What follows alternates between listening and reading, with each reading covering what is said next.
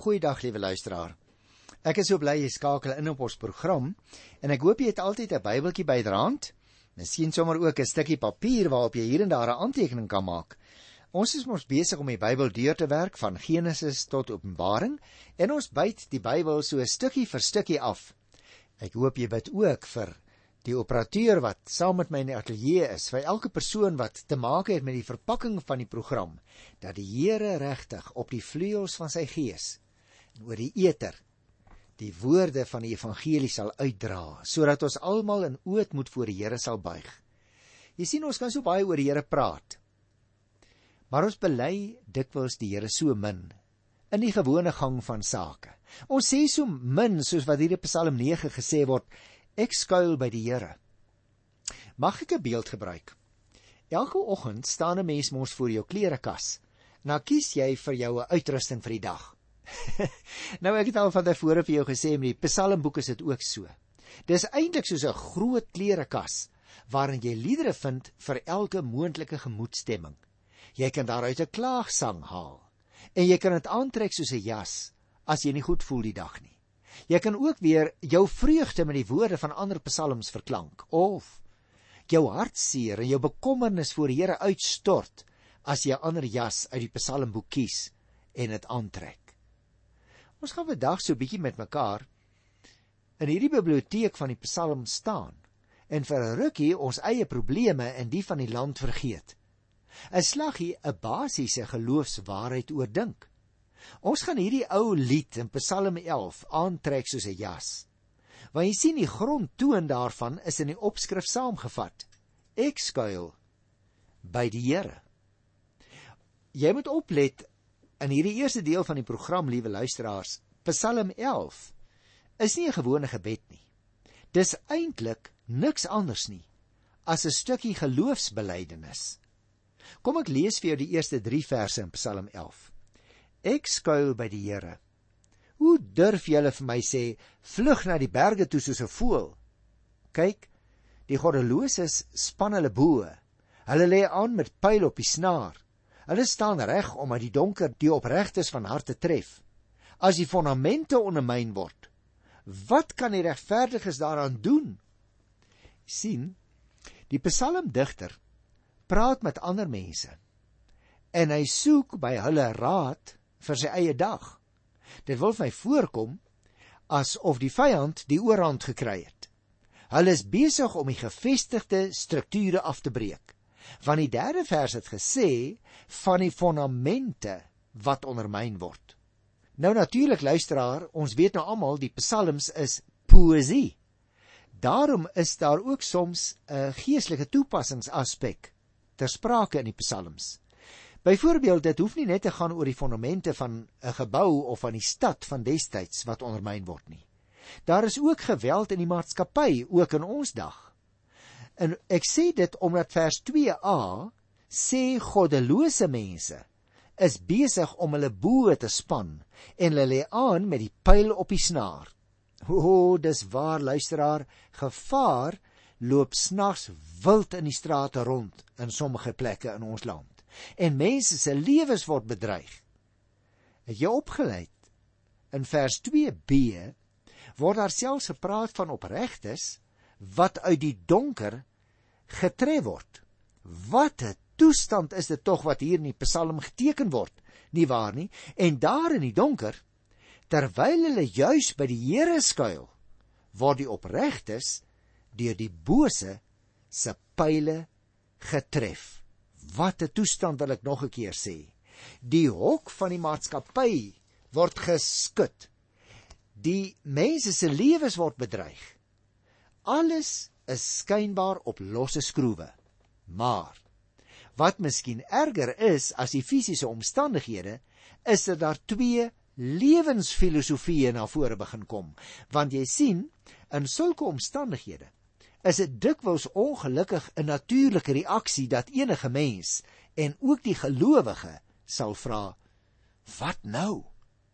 En dis presies wat hier gebeur in hierdie Psalm. Dis immers ook wat op hierdie stadium in ons eie land aan die gebeur is op baie plekke. Mense kyk rondom hulle. Hulle gesels met mekaar. Hulle vra raad by mekaar.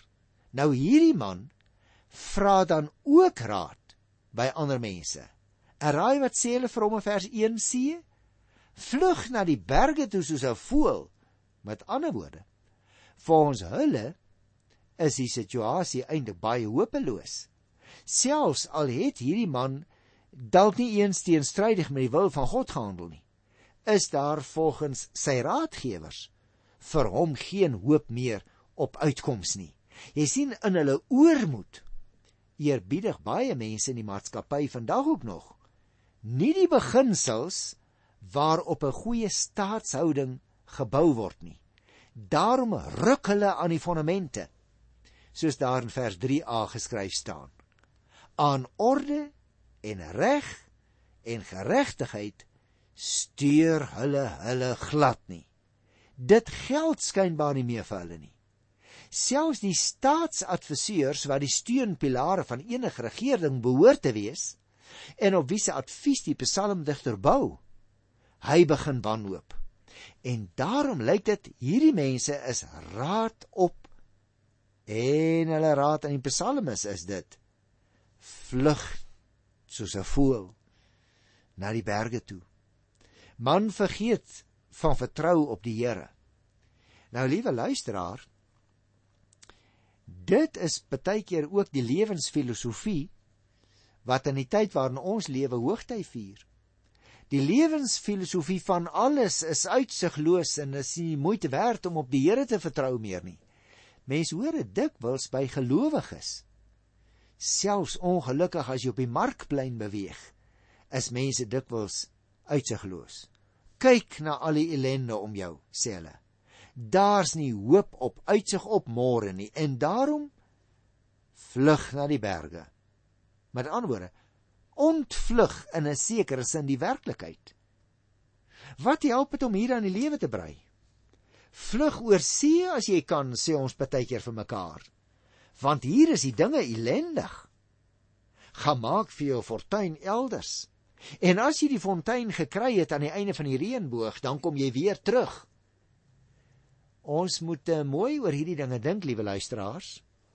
Dit is sodat sommige mense met edel motiewe die land verlaat. Maar soms is daar net een motief. En dit is Ek is bang vir ander mense. Dalk is daar self soms 'n ander motief. Geld. Wat is jou beweegredes? Hoe praat jy op die markplein met ander mense?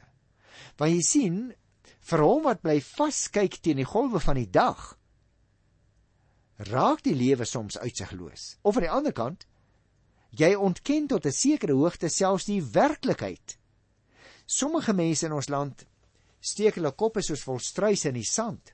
Hulle hoop die storm gaan van self verby. Dalk weet jy ook van sulke mense.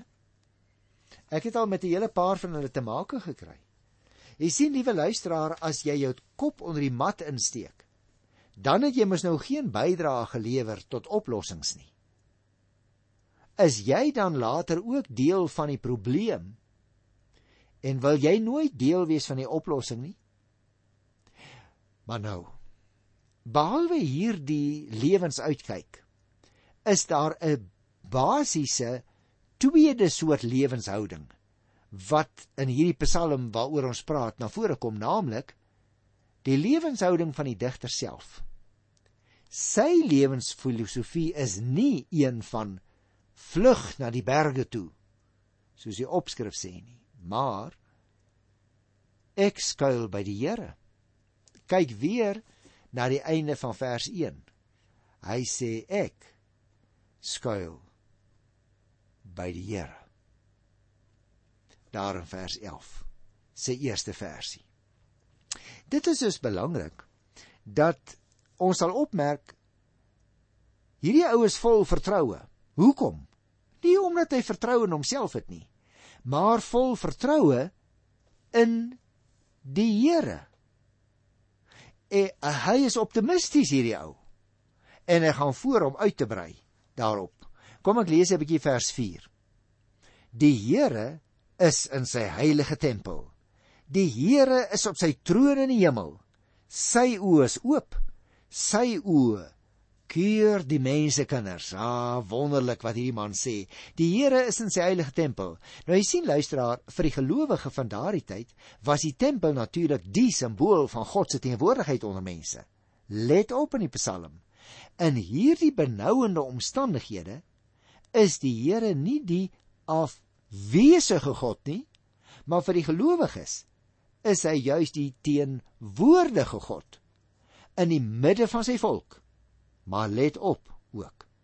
Die Here is nie maar net 'n klein tempelgoetjie nie. Nee, o nee, liewe luisteraar, die Here is veel meer as dit. Vers 4b sê: Die Here is op sy troon in die hemel. Want jy sien, die aarde is te klein vir die Here. Hy regeer oor die hele aarde, oor sy hele skepping. Die hele skepping is sy paleis en daarvandaan behartig hy die regsaake van alle mense ongehinderd deur tydelike onsekerheid wat soms jou en my se voete onder ons wil uitslaan. En daarom kom ons by die 5de vers in Psalm 11 Die Here onderskei tussen regverdige en goddelose. Wie geweld liefhet haat hy. Let jy op wat die digter dus intussen van die mense op die aarde sê alreeds. Daar in die 5de vers. Die Here deel mense net in twee groepe in. Regverdiges en goddeloses. Hy doen dit hier in uh, Psalm 11 vers 5. Maar die digter van Psalm 1 het dit ook gedoen. Onthou jy toe ek die eerste program behandel het, Ek hoop liewe luisteraar, julle koop ook soms die reekse wat beskikbaar is op CD. Want dan kan jy baie maklik terugslaan na Psalm 1 toe. En daar sal jy onthou en sal jy hoor as jy na die kaset luister dat ek vir jou gesê het die mense, jy en ek, deel soms ander mense in in baie kategorieë, né?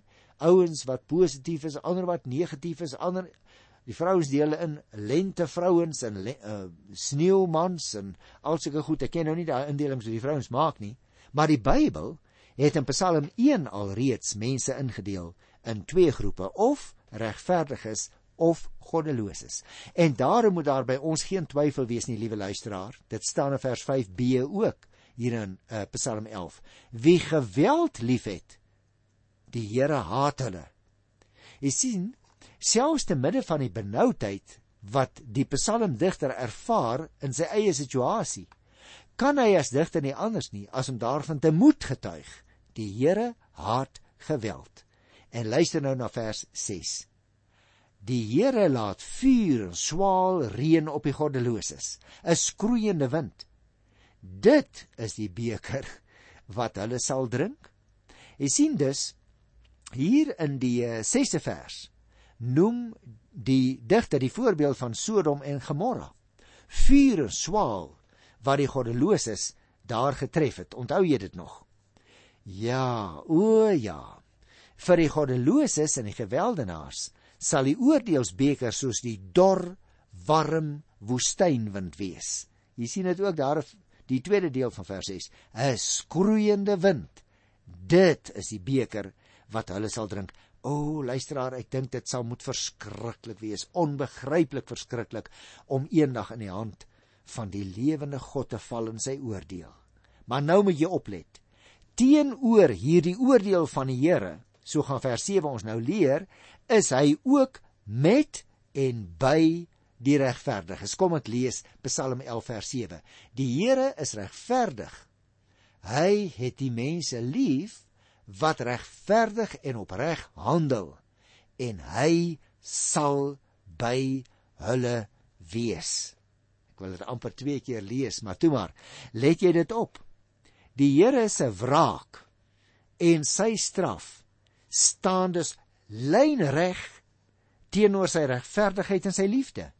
By hom is die gelowige veilige geborge, ook al is ons omstandighede soms benouend ook al leef ons elke dag in veranderende omstandighede.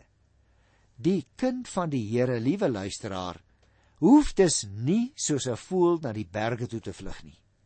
Behoort alle mag in die hemel en op die aarde dan nie aan die seun nie volgens Matteus 28 vers 18 en jy en ek weet mos die Here hou die geskiedenis in sy hand ons weet mos die Here Jesus Christus is die heerser oor die hele heelal en daarom vir ons as Nuwe Testamentiese gelowiges is die simbool van God se teenwoordigheid dan ook nie die kerkgebou nie liewe luisteraar maar die Here Jesus self En daarom in die taal van Matteus 8 vers 27, daarom kan die stortreën maar val.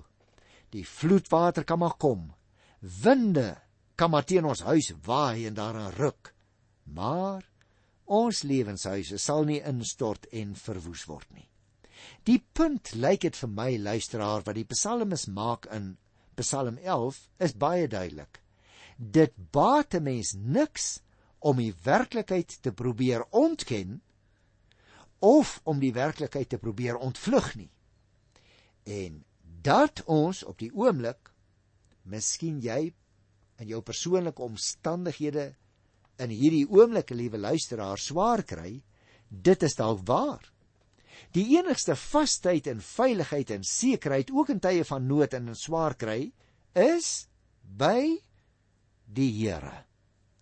Maar wat die regverdig betref, sal hy by die Here skuil in tye van onrus en geweld. Per slot van sake is dit net diegene wat doen wat die Here van hulle verwag wat uiteindelik sal standhou volgens die psalmes. Ja, dis waar, liewe luisteraar. Ook in ons dag is daar twee duidelike lewensfilosofieë aan die werk. Die een is uitsiglose moedeloos, vlug na die berge. En tog Tog staan ons as gelowiges nie verleë met die tong in die kies nie. Dit is nie waar dat ons geen antwoord het vir mense in vertwyfeling en vir mense in nood nie. En daarom kies jy en ek vir die tweede lewenshouding, juis in moeilike omstandighede soms.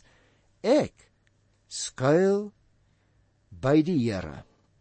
En daarom wil ons as gelowiges tog nooit in moedeloosheid saam praat en uitsiglose mense wees nie, nie waar nie. Nee, liewe luisteraar, bære die vrede van die Here in jou hart. Maak dit die belydenis van jou mond. Ek skuil by die Here, want sien, om perspektief te kan behou en moedig te kan bly voortgaan, is hierdie dimensie nodig, 'n persoonlike verhouding met die Here. Daarom kan jy en ek self vir ander mense bastionne van moed wees in die wêreld in ons eie tyd. Want hoekom? God regeer. Haal dan hierdie jas van Psalm 11 uit die kas. Trek dit aan as jou eie persoonlike belydenis, as jou vertrouensverklaring. Ek skuil by die Here. Daar is net hierdie twee moontlikhede en dit word saamgevat in Psalm 11 se eerste vers alreeds.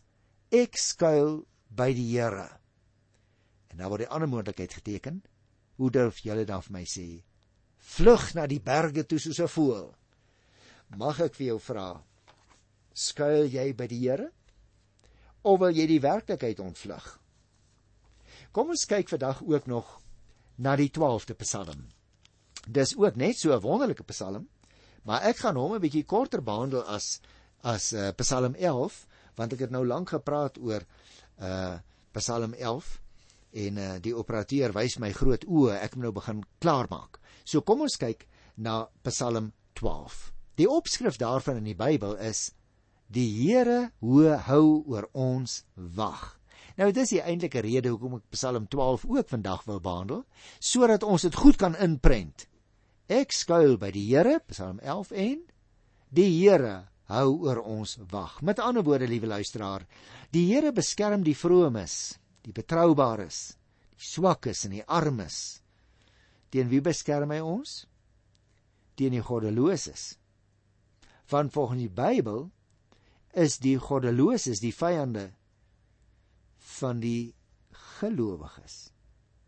Nou wil ek vir jou vra, as jy dalk by ons program ingeskakel het en jy dien nie die Here nie, mag ek vir jou vra, wil jy nie wil jy nie aan sy kant van die streep kom staan nie, liewe luisteraar? wil jy nie die stempel wat die Bybel jou dan toeken as jy aan die Here Jesus se kant staan, die stempel van 'n vrome.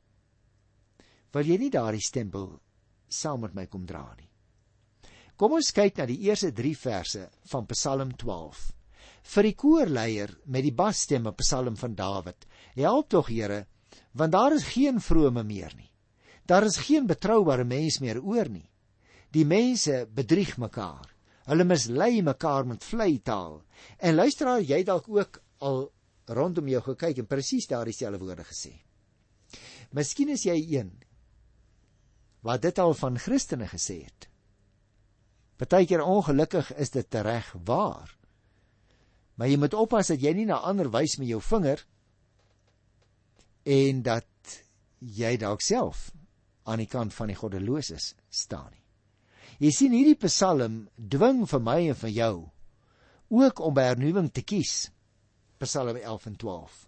Staan ons in werklikheid aan die kant van die goddelose of staan ons regtig aan die kant van die Here? Onthou jy nog vir ou Elia daar in 1 Konings 19 vers 14? Vir hom het dit daar ook gevoel asof hy die enigste is wat tog getrou gebly het in sy diens aan die Here. Daar is nie meer ander vromes, daar is nie meer mense wat vashou aan 'n besondere verbintenis met die Here, die verbondsgod nie. Bedrog en misleiding deur vlei taal. Met ander woorde leuns en groot praat en ootmoed het die algemene gebruik onder mense geword. Liewe luisteraar, dit kan waar wees. Maar die Bybel se vraag aan jou en my bly: Waar staan jy? Is jy in daai groep wil jy saam praat? Of is jy in die groep van die regverdiges, soos die Bybel hulle noem? Kyk byvoorbeeld na die 4de vers. Die Here sal al die vleitaal uitroei in die groot praatry van die mense wat sê in ons tong lê ons krag. Ons lippe help ons. Ons buig vir niemand nie. Maar luister nou, hoekom wil jy skrik vir sulke uitlatings? Jy en ek skuil mos by die Here. Luister hier van vers 6 af. Maar die Here sê: Die swakkes word mishandel en die armes kla.